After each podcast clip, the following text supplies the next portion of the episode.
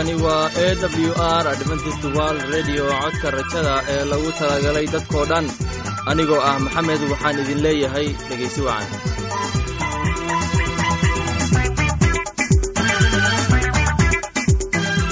Barnaamijkeenna maanta waa laba qaybood. Qaybta koowaad waxaad ku maqli doontaan barnaamijka caafimaadka uu inoo soo jeedinaya maxamed kadib waxaa inoo raacaya cashar inaga imaanaya bugga nolosha uu inoo soo jeedinaya cabdi. Labadaasi barnaamij ee xiisaha leh waxaa inoo dheer heese daabacsan oo aynu idiin soo xulnay kuwaasoo aynu filayno in aad ka heli doontaan. Dhegeystayaasheenna sharafta iyo khadradda lahow waxaynu kaa codsanaynaa in aad barnaamijkeenna si haboona u dhegaysataan. Haddii aad wax su'aalaha qabto ama aad haysid wax fikrada fadlan inala soo xiriir dib ayaynu kaaga sheegi doonaa ciwaankeenna bal intaynan u guudagelin barnaamijyadeena xiisaha leh. Waxaad marka hore ku soo dhowaataan heestan daabacsan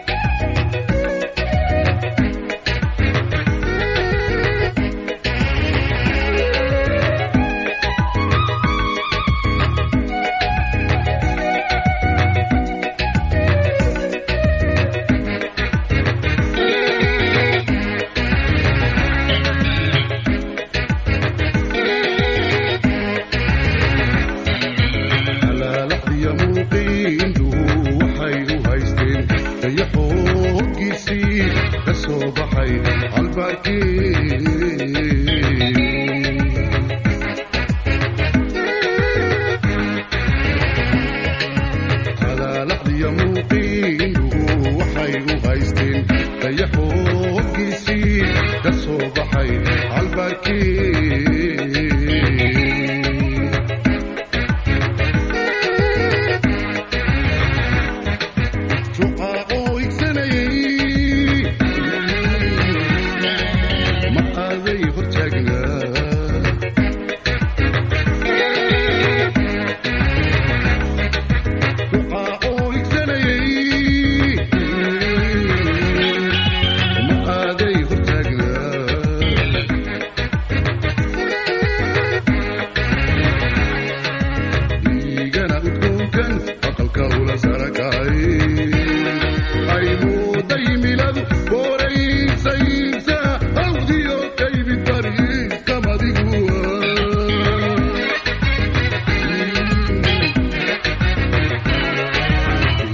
كان أكون كان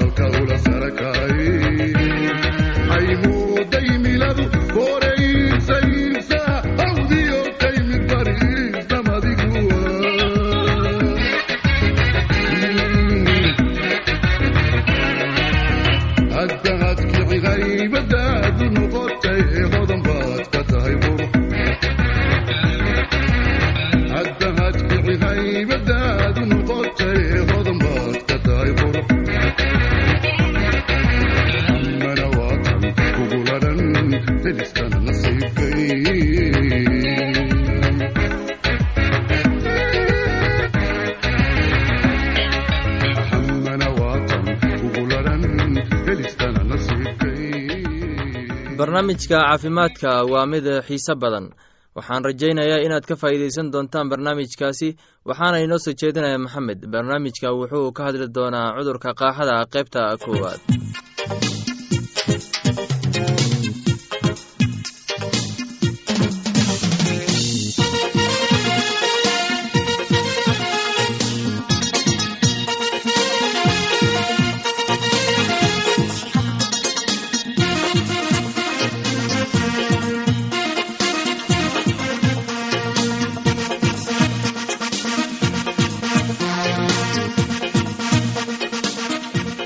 barnaamijka aan soo dhaafnay waxaynu ka hadalnay cudurka qaaxada calaamadaha uu leeyahay. Maantana waxaynu firin doonnaa qaabkii loo daaweyn lahay cudurka qaaxada. Laba nooc ay si muuqaal ah uga dhici kartaa qofka cudurka qaaxada qaba.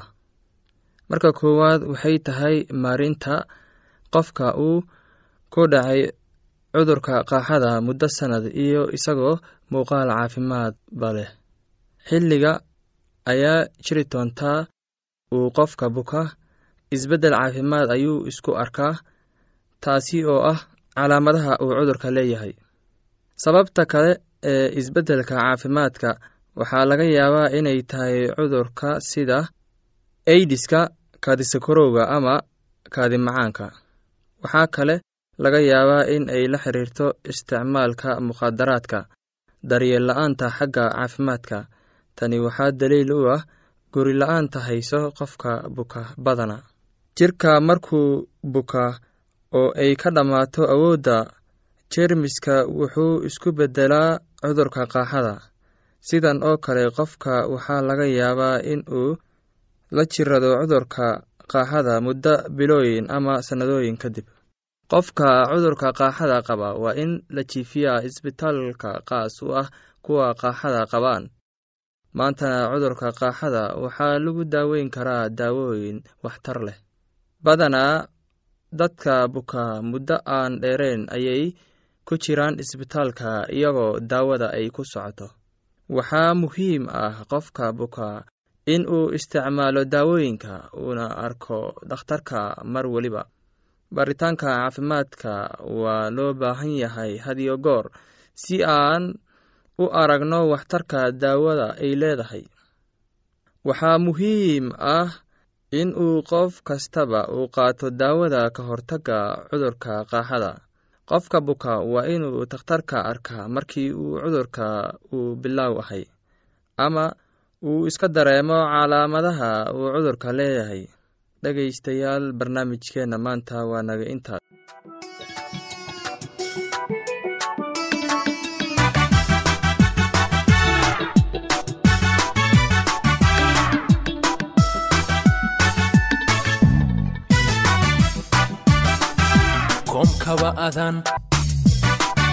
kolka aan ku dayo kalgacaylaya igu sii kordhe.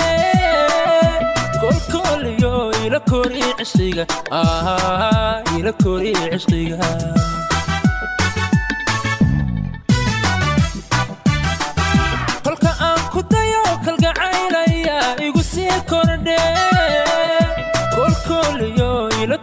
kori cishqiga ila kori cishqiga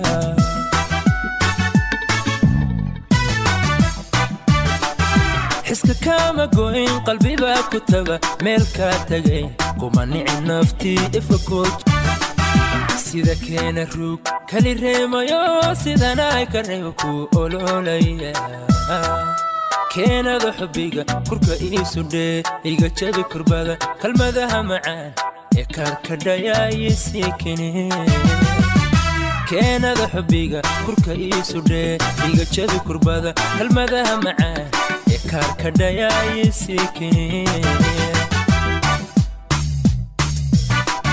kax waxaan la'ahay cisqikeedsamo igu laba kacee maanaa ku laba kama armi kara kama armi kara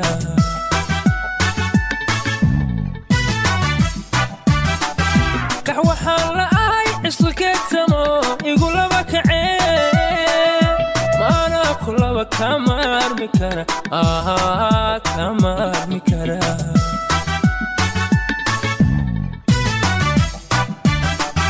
xiska kaama goyn qalbibaa kacay qalbikow kalsoon baa kugu lamaano kugu lamaan kulligooda hablaha kacay kaala baxay adi kaala baxay adna keliya laab igu keliya how igu keliya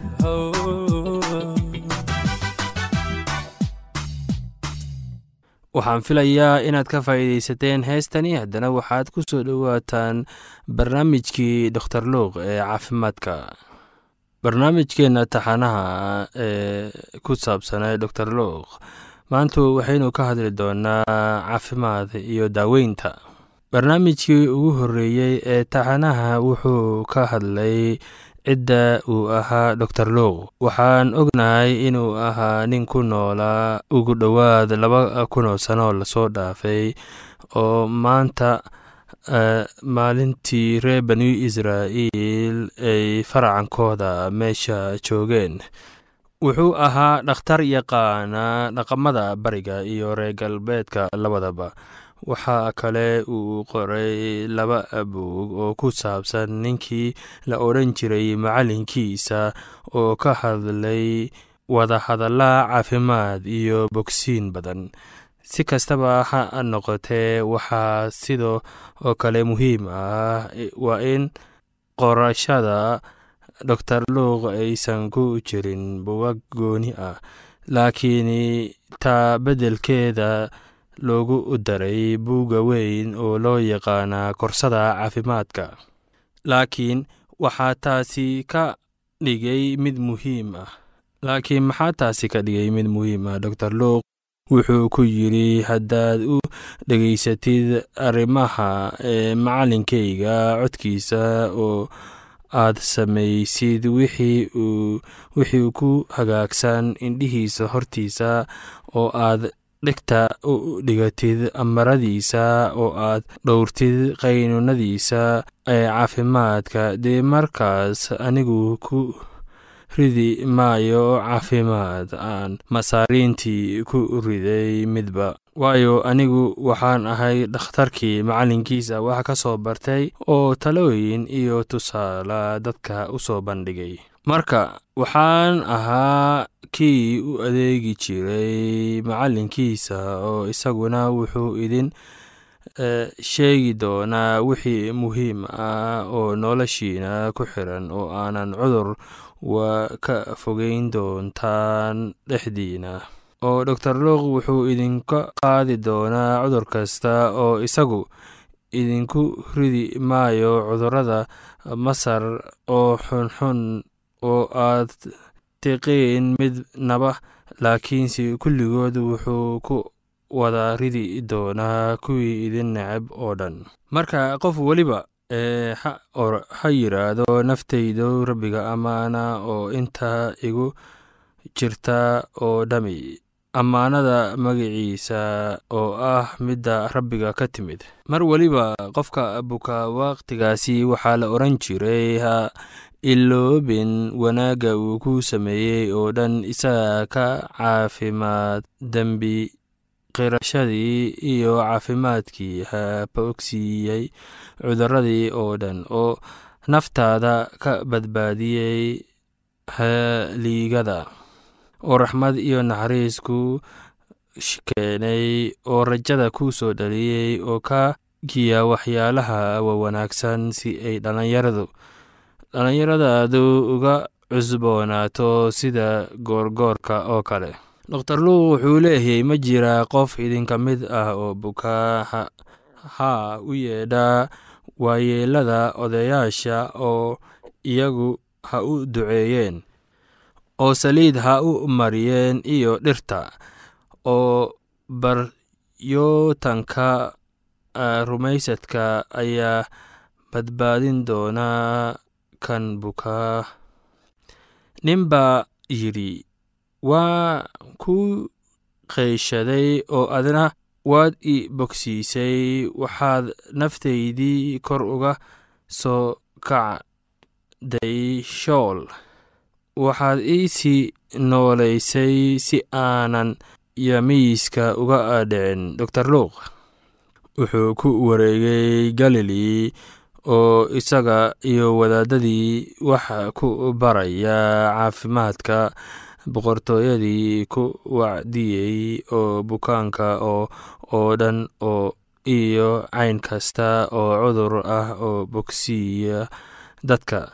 Oo warkiisuna wuxuu wada gaadhay dalka suuriya oo dhan oo waxay u keeneen kuwa buka oo dhan oo cuduro kala cayncayn iyo dhibaatooyin badan qaba iyo kuwa jinniyo qaba iyo kuwa curyaan ah iyo kuwa curyaan aan ahayn wuuna bogsiiyey iyaga. Ugu dambeyntii inkasta uu bini aadamku yahay bulsheed in ay dadku ka yimaadeen abuur isaga si uu uga noolaado wada noolaasho iyo xidhiidhi dadka kale sida kale ee bilowgii caafimaadka taariikhda sida ay qorayso waxaa lagu leeyahay laakiin aadam waa caawiyey wanaagsan si ay looga helin laakiin rabbiga hurdo ayuu ku riday ninkii intuu jiifay isana wuxuu ka qaadhay mid ka mid ah feerihiisa oo meeshaasi ku xirnaa hilib. Oo rabbiga ahu naag buu ka sameeyey naagtii oo wuxuu ka qaatay ninkii oo wuxuu iyadii u keenay ninkii markaasuu yidhi tanu hadda waa laf ka mid ah lafahayga iyo hilib ka mid ah hilibkayga waxaa loogu yeegi doonaa naag waayo iyadii waxaa looga soo saaray ninkii. Sidaa daraaddeed wuxuu ka tagay aabbihii iyo hooyadiis wuxuuna la joogay naagtiisa oo waxay noqonayeen isku jidh qoraalkani wuxuu sheegayaa in nin kasta loo abuuray inuu la noolaado kuwa kale gaar ahaan xiriirka guurka. Marka bani aadamku waa qof abuuray oo leh dhinaca jidheed ruux ahaaneed maskax ahaaneed iyo bulsho ahaanba wax kasta uu qabayo wax kasta uu qabanayo. Markii ay dhibaato ka dhacdo mid ka mid ah goobahana waxaa sidoo kale dhibaatooyinka jira. Agaaga sameyn ku yeelan karaa caafimaadkeedana. Tusaale ahaan markii aan goobno dhibaatooyin xagga jirka ah waxay ahaan doontaa cuduro marka haysanno dhibaatooyin. Xagga ruuxa ah waxaa xiriir hoose la leenahay ee rabbiga. Tani waxay baabi'in kartaa. Tani waxay sabab u noqon kartaa tusaale ahaan keli ahaanta. Markii ay inu dhibaatooyin la xiriira maskaxdayda waxaan la kulannaa dhibaato xagga maskaxda ah niyad jab. Ugu dambeyntii markii aan helno nagala soo xiriiri kartaa imeilka somali e w r at yahu com. Mar labaad somali e w r at yahu com. Somali e w r waa hal eray. Anigoo ah maxamed intaan mar kale hawada dib ku kulmayno waxaan idinkaaga tegaynaa. Heesta soo socota sidaas iyo nabadgelyo.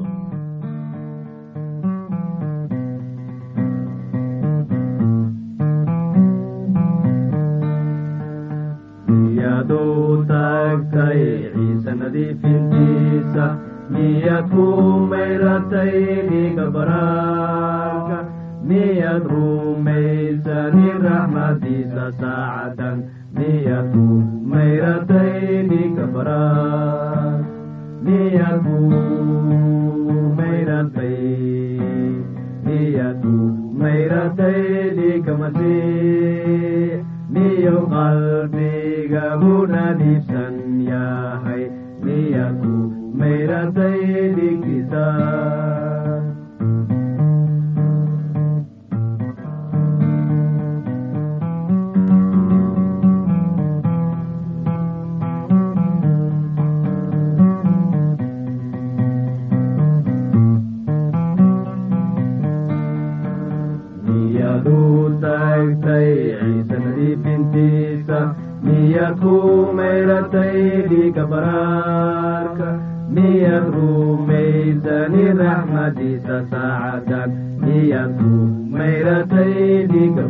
baraar miyad ku mayratay miyad ku mayratay dhiiga masiix miyu qalbigagu nadiifsan yahay miyaad ku mayratay dhiiggiisa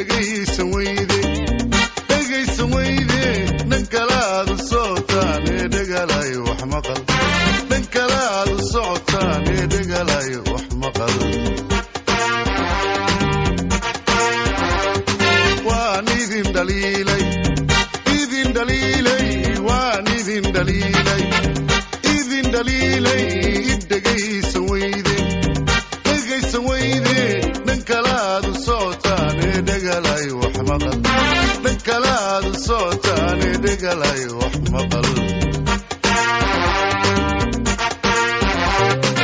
oy dhaxani haysan dharuqaad isleeyay aabadhaan ka tegay ban ku dhowee isleeyay oya dhaxani haysan dharuqaad isleeyay aabadhaan ka tegay ban ku dhowee isleeyay ilma aanan dhalanban dhabta saar isleeyay waan idin dhaliilay dhaliilay waan idin dhaliilay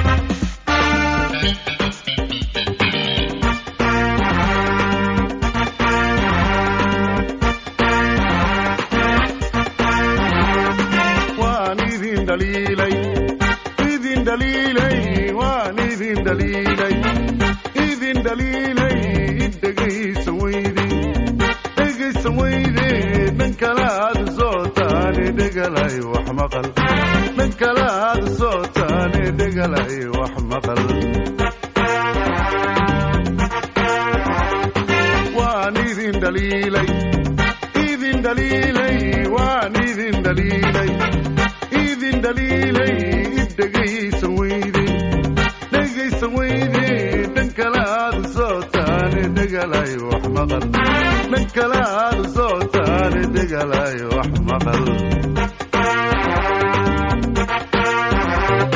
balangaajo qabatan hagarkeen isleeyay dhallinyarada joogtan wax dhaxsii isleeyay dallangaajo qabatan hagarkeen isleeyay dhallinyarada joogtan wax dhaxsii isleeyay umad kala dhaqaaqdan dhexdhexaadi leeyay. Waan idin dhaliilay